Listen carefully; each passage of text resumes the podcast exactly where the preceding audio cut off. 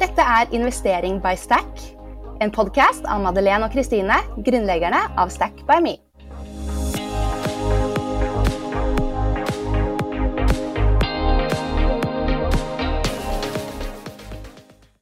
Podkasten er sponset av 247 Office, som er favorittregnskapssystemet vårt.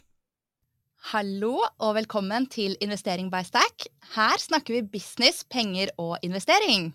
Ja, endelig podd igjen. Og i dag så sitter vi i nytt studio på Episenter her i Oslo. Um, og det er faktisk veldig hyggelig å se dere live når vi podder. Ja, enig. Vi pleier jo å podde digitalt. Men nå som vi da har begynt å møtes på Episenter en gang i uken, og oppdaget at jeg hadde podkaststudio her, så er jo det ganske nice, får vi håpe. Eh, og så har vi jo med oss en skikkelig kul og spennende gjest her i dag. Og dere har kanskje allerede sett eh, fornybarkurset i appen vår. Eh, fordi hun her hun var tidligere private equity-investor. Og hun var også økonomidirektør, eh, altså CFO, for fornybarselskapet Otovo. Og nå har hun en ny rolle som CFO for sirkulærøkonomiselskapet Wondaspace. Og med andre ord så kan hun her mye om både finans og hvordan å gjøre verden mer bærekraftig. Og det gleder vi oss til å lære mer om. Så velkommen hit, Cecilie. Tusen takk. Yeah, Cecilie Weltz, for å si hele navnet. Uh, det er jo mye å si om deg, Cecilie, men kan ikke du kjapt fortelle med egne ord hvem du er? Nå syns jeg du oppsummerte CV-en i hvert fall. Da. Ja. Veldig bra, så da får jeg heller legge til uh, Hei, jeg heter Cecilie, jeg er 34 år, kommer fra Drøbak, bor i Oslo med mann og en fireåring. elsker Italia og vin, og gjerne de to tingene i kombinasjon. Ja! Nice! Weirdo. Ingen andre som kan kjenne seg igjen i det. Nei. Og vi må jo også nevne at du er investor i Sterk, da. Ja. Ja, det er superkult. Ja, det er veldig gøy. Så for å starte litt sånn fra start, da. Du har jo vært investor i private equity. Og det vil vi gjerne høre litt mer om, hva du gjorde da egentlig. For vi har akkurat hatt et webinar om private equity-fondet som vi har i Stack-appen. Så da er jo det liksom det litt sånn dagsaktuelt da, for våre brukere og lyttere. Mm. Ja, som eh, private equity-investor så er man jo egentlig på utkikk etter selskaper som eh, eh fortrinnsvis eh, har nådd lønnsomhet som er på vei til å eh, vokse inn i nye markeder eller nye segmenter, men har behov for kapital og kunnskap og kompetanse for å gjøre det. Og det er der private equity-investoren kommer inn og hjelper eh, selskapene med nettopp det. Og for private equity-investoren så er det jo viktig da å kjøpe selskapet billig og selge det dyrt, sånn at man får avkastning, da, gjerne tosifret eh, årlig, på en sånn typisk tidshorisont på fem til syv år. Ja, ja, as easy as that, liksom. ah, nei, det høres veldig, veldig kult ut um, å jobbe med det. Jeg kan tenke meg at du kunne egentlig snakket hele podkasten om det. Men uh, hvordan uh, tok du steget videre da, over til solpanelselskapet, er det det man sier? Ja. Otovo? jo, eh. det, det, er egentlig et veldig godt spørsmål. Jeg, eh, det var så utrolig bra at jeg gjorde det, fordi jeg eh, innså jo å sitte i styrer på vegne av Verdane, da, som er fondet som jeg jobbet for. Eh, så skal man bidra til selskaper operasjonelt, men selv hadde jeg aldri jobbet operasjonelt. Jeg kom fra investment banking i Svedbank, og så jobbet jeg og kom direkte inn i private equity etter det. Sånn at um, Du kan si at jeg var litt som en sånn si, um, fabrikkleder som aldri hadde sett hvordan pølsa ble laget. Ja. uh, og kjente virkelig behovet for å rett og slett grave meg litt ned i og se hvordan er det selskaper bygges på, på gulvet, da. Uh, mm. Så da jeg fikk muligheten til å hoppe over i Otovo og være med å bygge opp et helt nytt produkt, leasing av solceller, eh, hente finansiering til det eh, selskapet og, og, vokse det videre sammen med Otovo, så var det bare en helt fantastisk mulighet som jeg ikke kunne takke nei til, og som jeg er utrolig glad for at jeg gjorde. Eh, selv om det var jo eh, så klart et, et lite sjokk å gå fra eh, Kall det big corporate, eh, i hvert fall veldig strukturert eh, hverdag, da, til, til startup-verden, som, som, på en måte ja, er alt annet enn strukturert. Ja, ikke sant.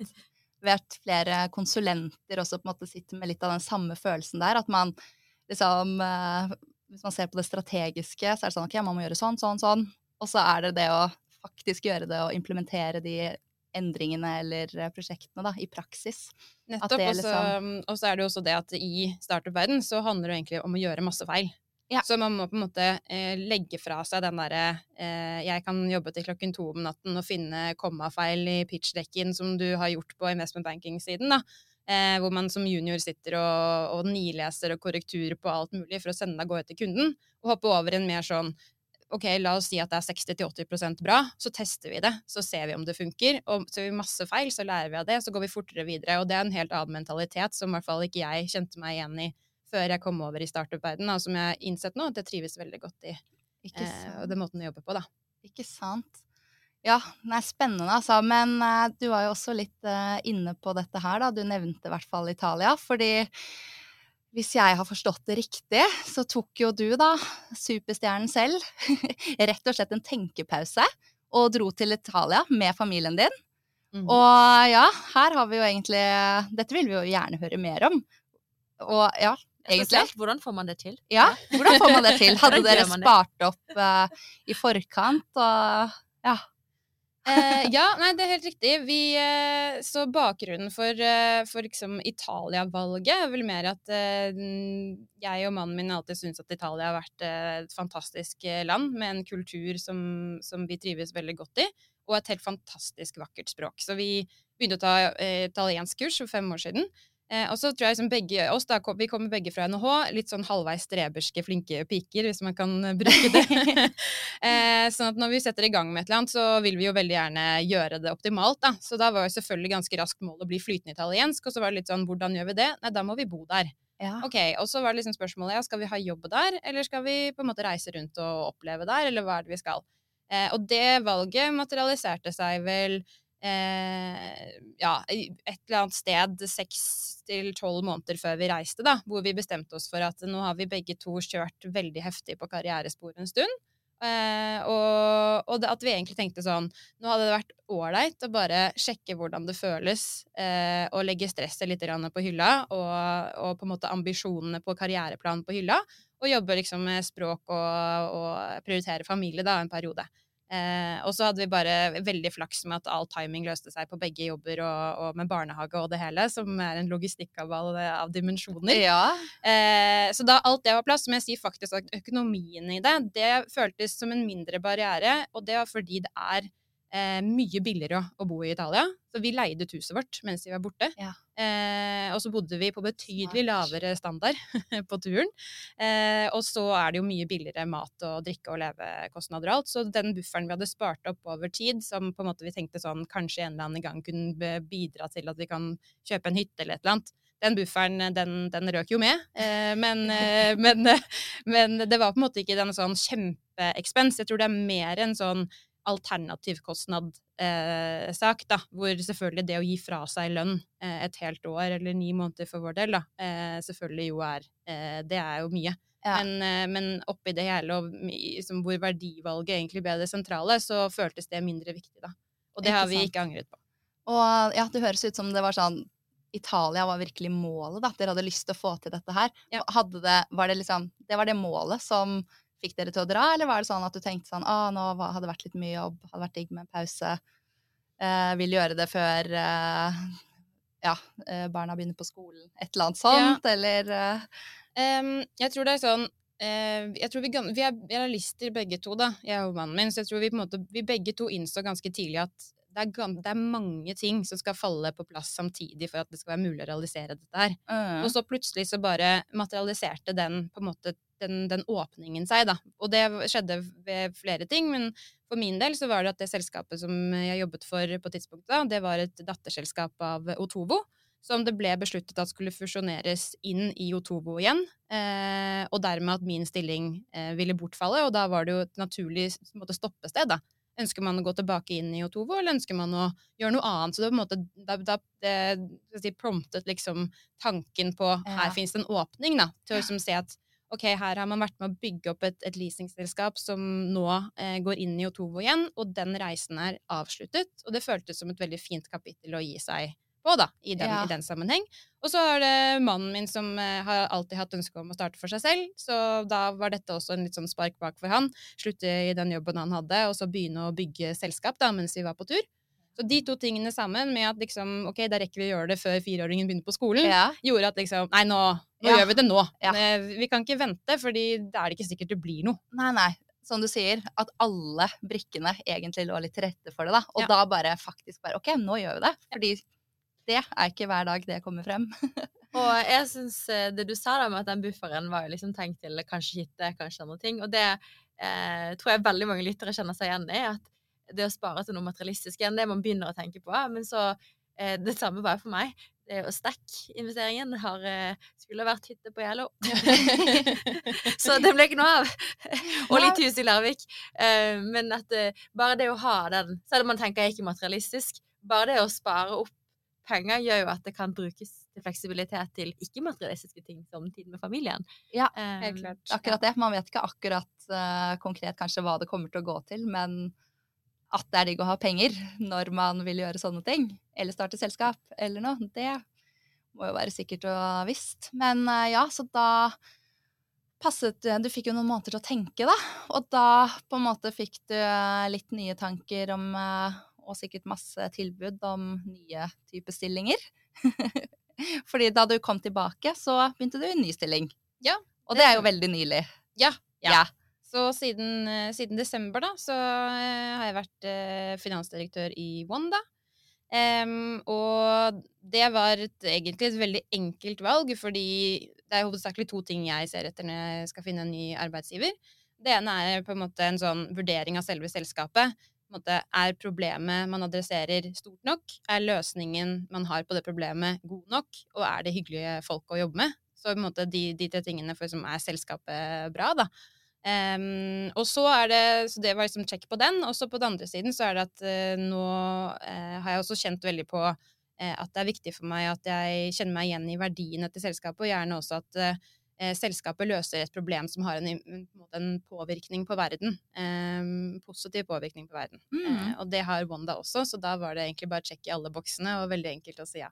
Ja, hva, Kan du forklare bare kjapt liksom, hva er Wandaspace, for de som ikke kjenner til det? Absolutt. Så Wanda er egentlig selskapet som tar vare på tingene dine. Eh, vi eh, ønsker å gjøre det mye enklere for folk å velge bærekraftig konsum. Eh, så det vil si at man bruker tingene man har lenger. Man kan dele tingene, f.eks. leie de ut, eller reparere de sånn at de varer lenger. Og så fasiliterer vi også for kjøp og salg av brukte eiendeler.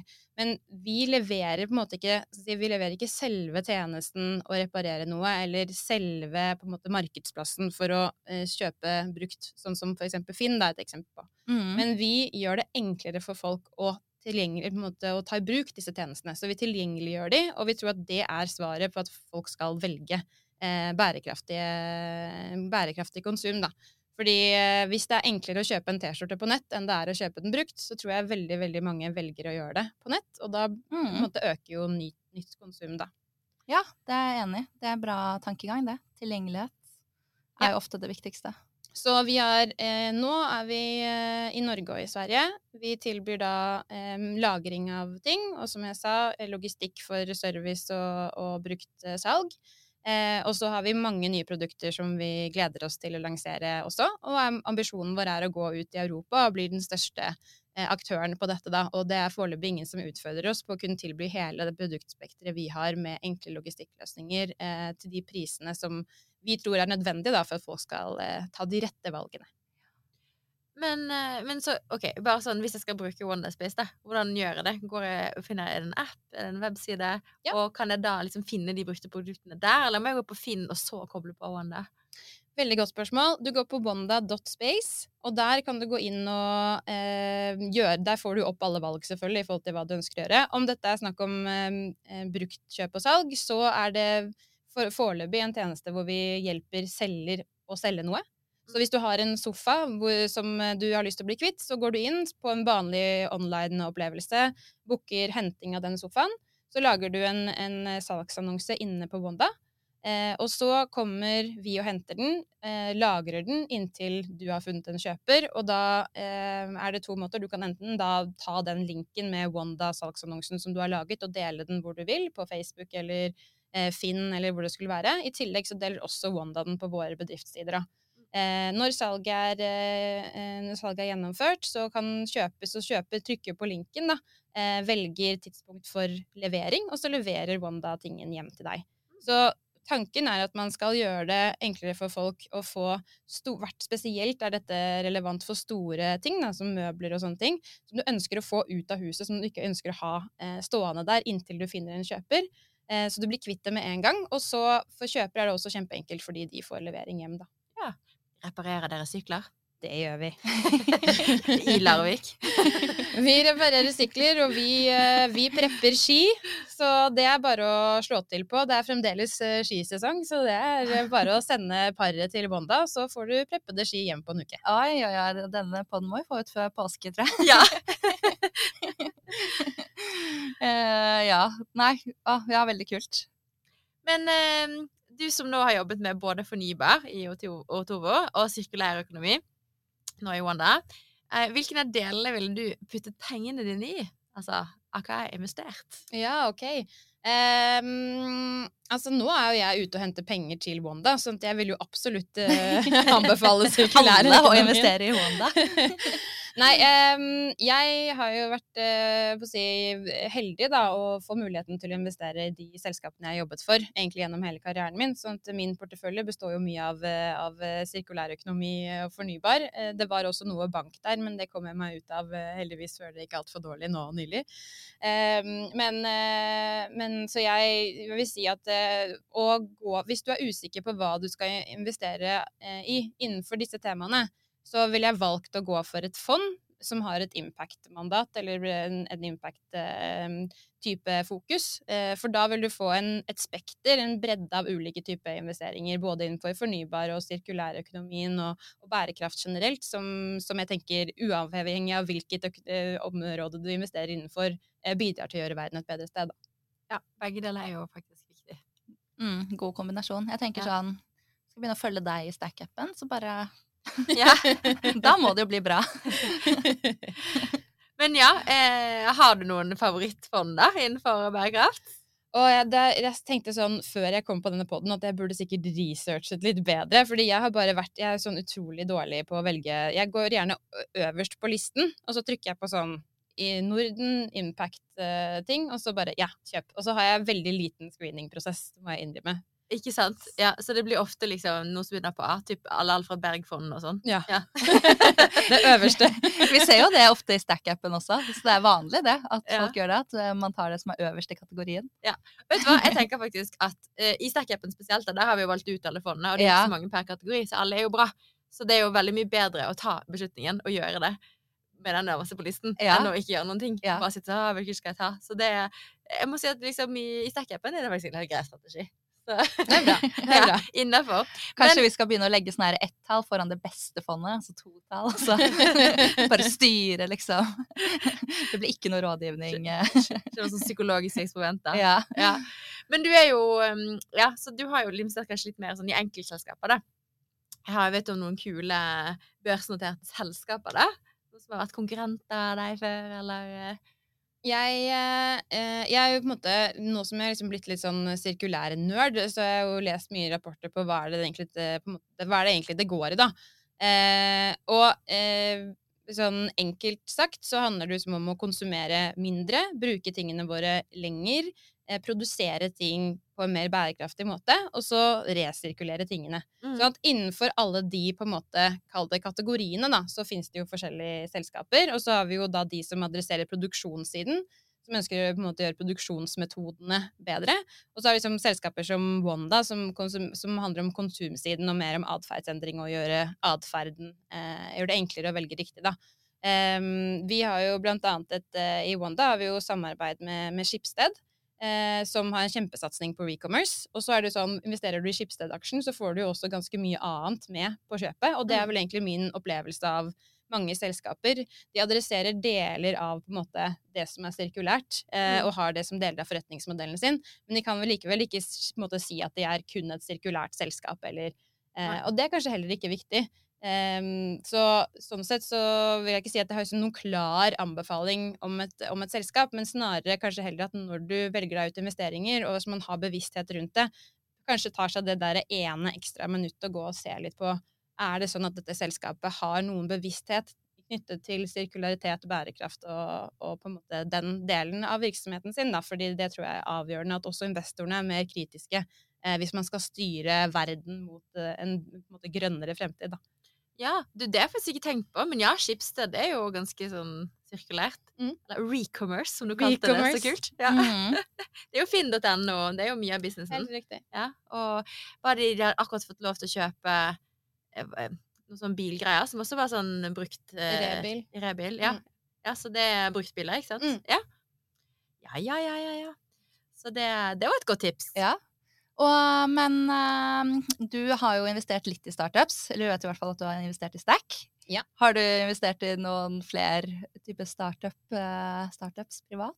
Ja, jeg har en sånn en lite, lite knippe med startups, men jeg må si at jeg er på ingen måte noen sånn ut, utadgående, på en måte aktiv investor i startups. Det er mer at jeg syns det er kjempekult å støtte eh, de som er i mitt nettverk, eh, eller hvor det er folk som jeg kjenner godt som anbefaler eh, noen, da. Så syns jeg det er veldig gøy å være med og støtte opp under det, for jeg tror at eh, generelt sett så har vi bare veldig godt av at flere folk starter selskaper, tør å gjøre det, og, og på en måte får flere som heier seg frem, da.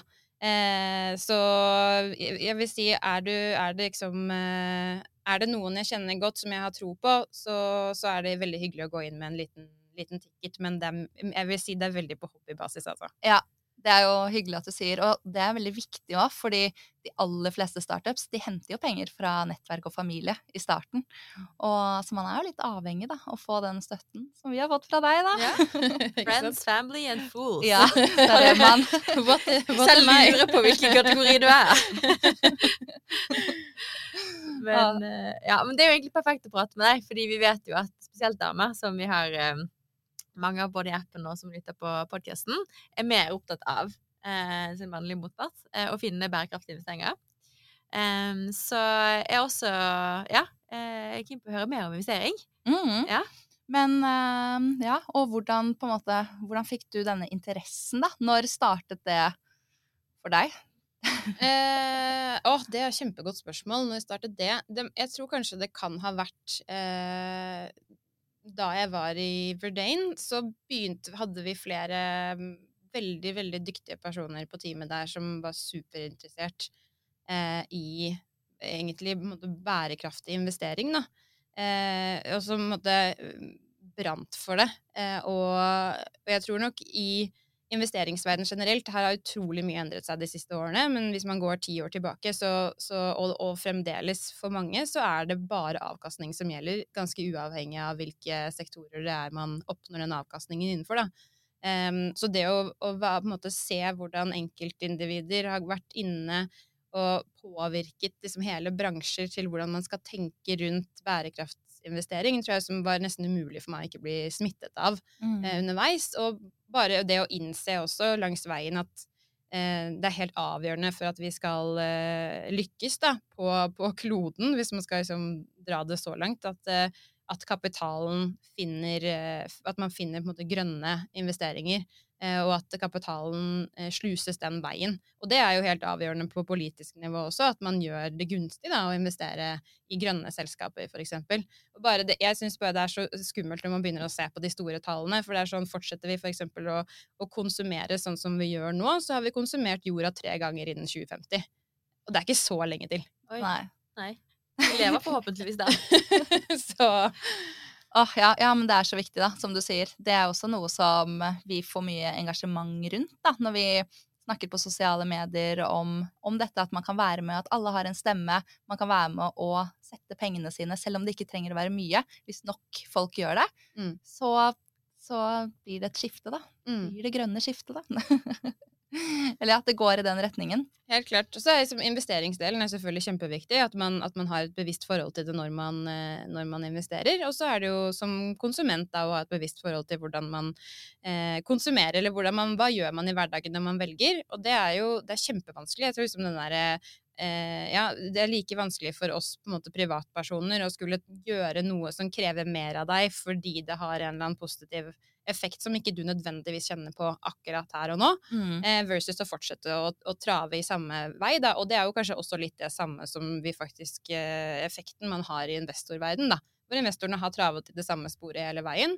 Og det å på en måte nå skulle endre atferden sin og investere mer i en retning som kanskje oppleves mer risikabel, hvor avkastningen er mer uklar, det tror jeg på en måte er en vanskelig Det er en liksom vanskeligere vei, da, men det er dit vi må for å lykkes, rett og slett. Mm. Hva vil du si er din eh, mest bærekraftige investering? Um, og det er et veldig godt spørsmål igjen. Bærekraftig investering. Jeg tror um, Jeg tror nesten det må på en måte være, være Otova, altså. Mm. Eh, fordi, fordi, det på en måte er så utrolig liksom, marked som er veldig stort og håndfast i dag, som vi, som det er også måte, imminent, eh, og vi, det er helt nødvendig å gjøre noe med. Det er fossile brensler. Vi kan ikke fortsette å holde på eh, på den måten vi gjør. Vi er nødt til å finne fornybare alternativer. og det at det jeg liksom liker veldig godt med Otova, er jo også at det gjør det mulig på konsumnivå å ta et valg. da. Eh, jeg har lyst til å konsumere mer fornybart, ja, da, da tar, får jeg solceller på taket mitt. Det er jo veldig håndterbart og veldig konkret, og noe som også nå, heldigvis, har blitt veldig veldig mye mer lønnsomt etter at energiprisen har gått såpass mye opp. da. Mm. Um, så er det så veldig, veldig, veldig skuffende å se når man får sånne politiske eh, på en måte endringer som plutselig i Italia, da, hvor man bestemte seg for å ta bort en subsidieordning som har gjort det mulig for veldig mange eh, å velge solceller uten at det, ja, det har gjort det mye billigere, da. Eh, å velge solceller og batterier og, og, på en måte, og eh, forbedringer i hjemmet som er energieffektive. Og så har man plutselig det borte over natten, hvor liksom da man sitter igjen både som selskaper, konsumenter og på en måte investorer og lurer på hva, hva skjedde. Og så jeg tror liksom Vi må helt bort fra den type liksom, over natten-endring i politikk eh, hvis vi skal klare å motivere investeringer på langsiktig eh, langsiktig basis da, inn i, inn i, bærekraft og inn i fornybar. Ja, jeg syns det var faktisk et veldig bra innlegg i DN om akkurat det, fra en av de som har flyttet til Sveits. Han sa at for Vedum hadde sagt det var så kjedelig å bo i Sveits. Han bare det er dritkjedelig. De eh, må ha folkeavstemning for å endre skattesystemet, så dette skjer aldri. ja. Så det er utrolig forutsigbart. Togene går når de skal. Ja. Dritkjedelig. Slipper, slipper, å være liksom i spenning over togtidene. Og ja, det er mange gode eksempler, da. Men blant annet det med regjering, da. Jeg synes det var et veldig godt poeng. At uh, ja, det er så Ja, kjære regjering. Mm, ja, Forutsigbarhet hadde vært fint. Ja. Gjelder også for startups. Ja, det. Arbeidsgiveravgift og alle de tingene. Å ja. ja. Enig. Men uh, motsatt av, hva er din uh, dårligste investering? Har du noen av de på listen din? Um, ja, nå er det ikke sånn at det, Jeg kan ikke si at akkurat nå at de investeringene gjort, har sånn fantastisk bra avkastning sånn i øyeblikket. Alle? Nei, men børsene er jo veldig ned, da. Så ja. alt, som, alt, som, går opp og ned med markedet, er jo mye ned nå. Eh, så klart. Så, men det, det, tar jeg som ikke som fryktelig tungt. Jeg er optimist. Jeg tror nå kan man jo gjøre mange kupp da, og kjøpe mye gode selskaper til en bra pris og, og, og få en fin avkastning når, når markedet kommer tilbake igjen. Um, det er jo det som er så bra for uh, Det er jo veldig mange som ikke har begynt å investere ennå. Så det kan jo være et uh, veldig bra tidspunkt å starte, i hvert fall. det er jeg helt enig i. Det er helt enig. Ja, bra du er enig. Uh, jeg tror kanskje sånn dårligste investering det tror jeg kanskje må ha vært i bank, da jeg hadde en, ganske mye aksjer i Svedebank. Så jobbet jeg der. Um, og så satt jeg og så på den beholdningen og vurderte om jeg skulle Jeg tenkte sånn, ok, men det er jo superstabil, det er bank, bare, liksom, det bør jeg bare ha og, og, sitte på lenge. Eh, så jeg var innom liksom, og så på beholdningen, så jeg tok stilling til det. Og så tenkte jeg sånn, nei, jeg lar det være, på en måte, det er fint. Og så dagen etter så ble jo sjefen, eh, tror jeg, liksom, pågrepet av politiet, og det var tidenes største hvitvaskingsskandale. Og, og, ja, og hele aksjen bare gikk rett i bøtta. Så det var en ganske sånn kjip greie å ha sittet liksom dagen før og vurdert sånn Dette er jo det mest stabile jeg kan Ja. investere i, og så bare få se alle verdiene forsvinne Oh, det idet den skandalen Typisk nesten ut. irriterende at du hadde tenkt i uh, tankene dagen før også, Ja, for da nettopp. kunne du kanskje gjort noe med det. Ja, Eller kunne jo ikke det, men Men det er jo veldig vanskelig å forutse. Ja, eh, så en stabil, eh, liksom svensk, svensk til og med liksom nordisk, det er lite hvitvasking her oppe. Mm. Eh, liten risiko for det sånn egentlig. Ja. Så det, det, vet du hva, jeg synes bare det er et veldig godt eksempel på hvor viktig det er å være diversifisert. helt enig. Fordi du kan Nå skal ikke jeg banne. Du kan søren meg aldri være sikker. Du, kan, du vet aldri, ikke sant? nei. Så de som trodde at det var sånn, ja, ja, liksom FTX når de går konk så Nei, ja, ja, ja. Den, altså sånn krypto, liksom. Det er jo mange som har vært skeptiske til det, men så er det sånn Ja, det, det var Swedbank. Mm, Ikke sant? mm. Ja. Ja. Åh, ja. Og danske bank har jo også fått seg en smell. Og Ja. eh, det er jo, så vidt jeg forstår det, egentlig alle svenske banker nå har jo fått ganske strenge krav fra myndighetene på KYC og alt sånt, så det har jo gjort det litt mindre, mindre lønnsomt når du bruker mye penger på det. Mm. Men, eh, SVB og Ja, SVB. Ja. Men, ja, men apropos det, da. Så ja, bank har jo gått en del ned, også i, i Norge. Men, men ikke, like, ikke, ikke, vi er ikke der ennå, da. Nei. Så jeg, jeg tror ikke ikke. på noe bankkrise, det vil jeg bare iterere. Ja. Jeg har beholdt Det bra. og kjøpt faktisk meg opp i DNB Finans. Så Jeg, jeg tror fortsatt på rebound i bank. Det er et globalt fond, da. Men det handler jo om å være langsiktig, gjør det ikke det, da? Ja, men akkurat det er litt mer sånn this flavor of the year, tror jeg. Så generelt skal man jo være langsiktig, men, eh, men akkurat den er litt mer sånn Ja, jeg tror fortsatt at renten skal opp. Mm. Eh, så det er litt sånn bedt på det, da. Mm. Jeg ble også veldig ja. påvirket litt eh, kortsiktig da, når eh, BlackRock anbefaler nå må du investere i helse og finans. Ja, da gjør jeg det. Ja. og så kanskje det er en kortsiktig investering, da, men Ja, og det å liksom investere på litt sånn et par måneders sikt i sektorer og sånn, det er sånn som vi som på en måte er på disse frokostene med BlackRock en gang i kvartalet, eh, kan tillate oss å gjøre, da. ja. Men hvis man ikke ønsker å følge med så mye, så ville jeg kanskje ikke hatt det som strategi. Nei, nei, det er akkurat det. Da er det liksom global indeks. Ja, eller et globalt fond, eller eh, noe annet man har troen på på lang sikt, da. Mm, Det kan jo også være fornybar, eller bærekraftsfond, impactfond. absolutt. absolutt, det er vi enig i. Helt enig. Ja. Men eh, er det noe konkret eller noe spesielt som du vet at eh, du har lyst til å investere mer i fremover, da? Eller er det Det Ja, høres det ut altså- som du har en ganske sånn konkret plan, da, bak, og strategi på din investering. Um, ja, jeg eh, Akkurat nå så er jeg faktisk litt sånn på utkikk etter si, det neste, sånn, eh, neste case jeg, som jeg kan gå inn i, som eh, er med liksom, rundt dette her med å jobbe mot fast fashion. Da. Eh, jeg syns jo det er et superinteressant tematikk som man sikkert kan nøle masse rundt, men i hovedsak så, så går det, er det en superpersonlig sak for meg, hvor jeg bare fant ut da vi var på Italia, så hadde vi én sekk hver. Eh, jeg og mannen min og sønnen min i, i, i ni måneder, da. Eh, så det bare viste hvordan For oss, og for meg, var det i hvert fall en sånn øyeåpner. Bare jeg kan leve kjempefint på veldig få plagg. Mm. Og det var også gjennom tre sesonger at vi hadde bare én sekk hver. Så det var jo si at det, som, til enhver tid så var det veldig få plagg som man kunne bruke akkurat for den sesongen. Eh, så jeg bare liksom, ok, det var helt naturlig når jeg kom tilbake at jeg skal ha så, kall det Hva er det, hva er det liksom trendordet? Stoppe Shoppestopp? Shoppestopp. Ja. Shoppestopp. Em, så nå har jeg blitt eh, nå er jeg abonnent hos eh, Fjong og får uh, leie klær. da. Eh, tre eller fire plagg i måneden. Syns jeg funker kjempebra. Ja. Eh, så jeg kan være med og liksom backe den, den trenden videre. Så det har jeg bare supertro på. Dette, Ja. dette bare må, må bli veldig bra og stort. Og, Enig. Ja. Jeg har også brukt eh, både Fjong en del til å i hvert fall leie kjoler og sånn når jeg skal i bryllup og sånne ting. Og så er det jo nå Reli som har kommet. Har du hørt om dem? Nei! De, er også, de var ute og hentet penger. De er veldig sånn eh, startup. De ligger litt eh, Eller ja, de har showroom. Jeg skal ikke si de ligger bak Fjong, eh, men de startet senere enn Fjong.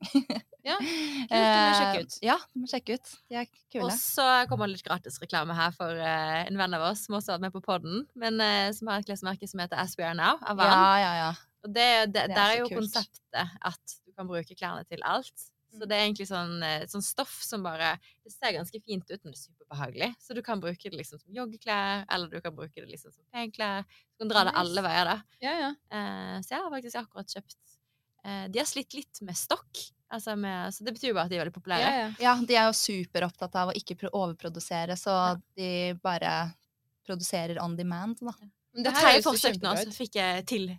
Og Hun sendte meg melding bare sånn 'Nå er det, nå er det på lager, Madeleine, så skynd deg!' Ja. De blir revet vekk. Så det er Ja. Men det er sånn multipurpose-plagg. Det er sånn Du bruker det til masse forskjellig. Så da bruker du det mye mer, og slipper du å kjøpe så mange plagg. Du kjøper heller bare de, og så er de god kvalitet. Og så Mm, ja. det. Ja, det digger jeg. Dette det er jeg helt ro på. Ja.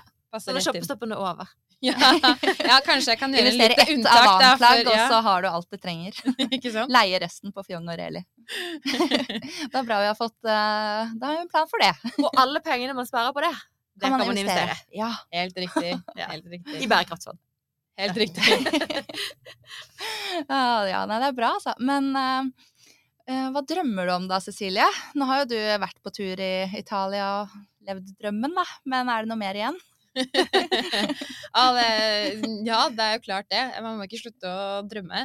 Jeg, eh, jeg vet ikke hvor det kommer fra, egentlig, men jeg har liksom bare alltid hatt en sånn tanke om at jeg skal bo og jobbe i utlandet et sted en eller annen gang. Og jeg kan ikke si at det, den drømmen har blitt noe mindre etter å ha reist rundt i Italia eh, sånn som vi har gjort, da.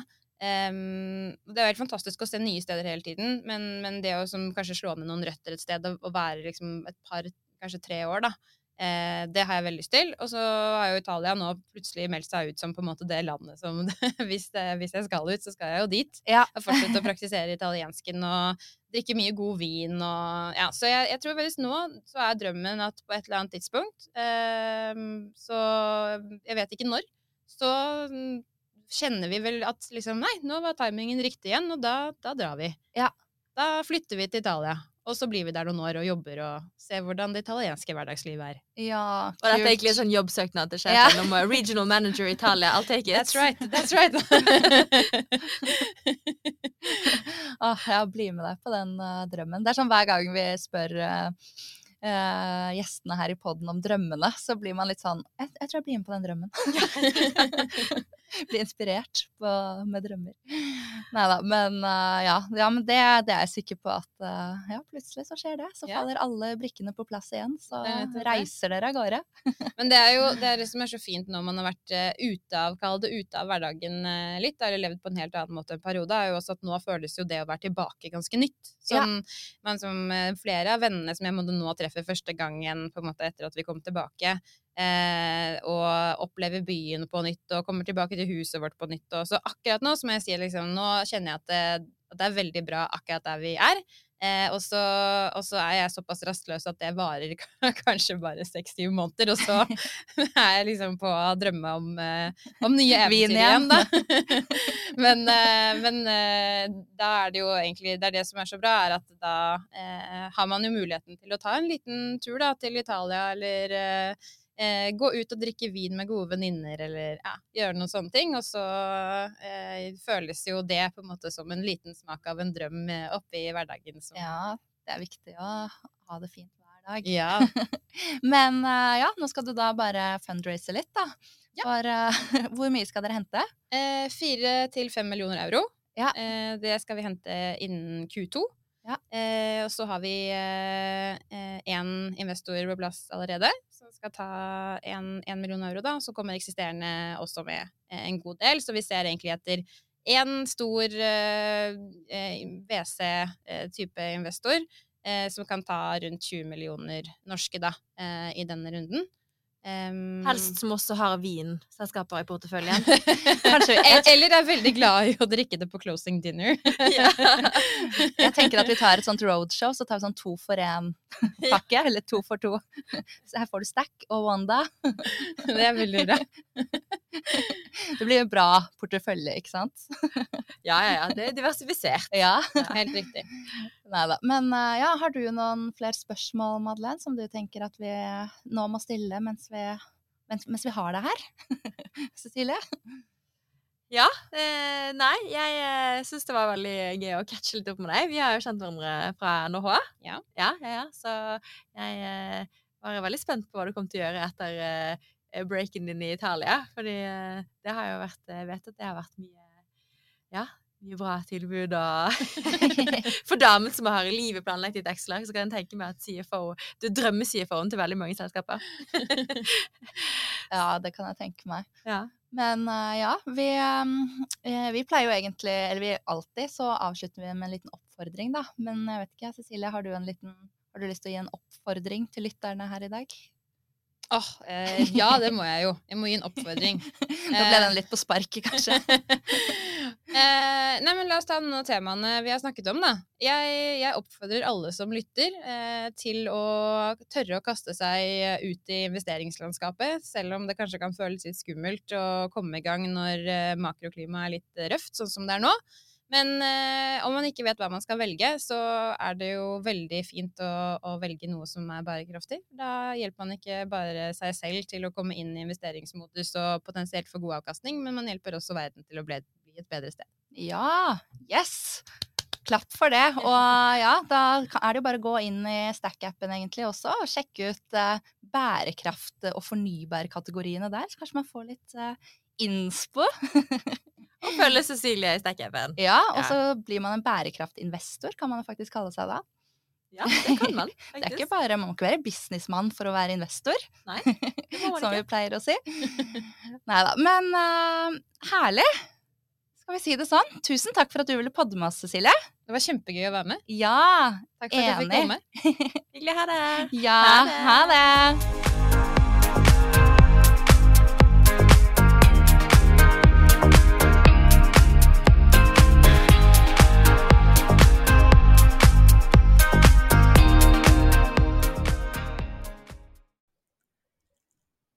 Det må sies at denne podkasten må anses som markedsføringsmateriell, og innholdet er aldri en investeringsanbefaling. Podkasten er kun ment til inspirasjon og informasjon. Så innholdet i podkasten bygger på offentlige, tilgjengelige kilder som Stack anser som pålitelige, men vi kan ikke gi noen garanti for nøyaktighet og fullstendighet bak dette. Så Stack by me tar ikke ansvar for eventuelle tap som dere lyttere kan møte dersom dere bruker informasjonen som blir gitt i denne podkasten.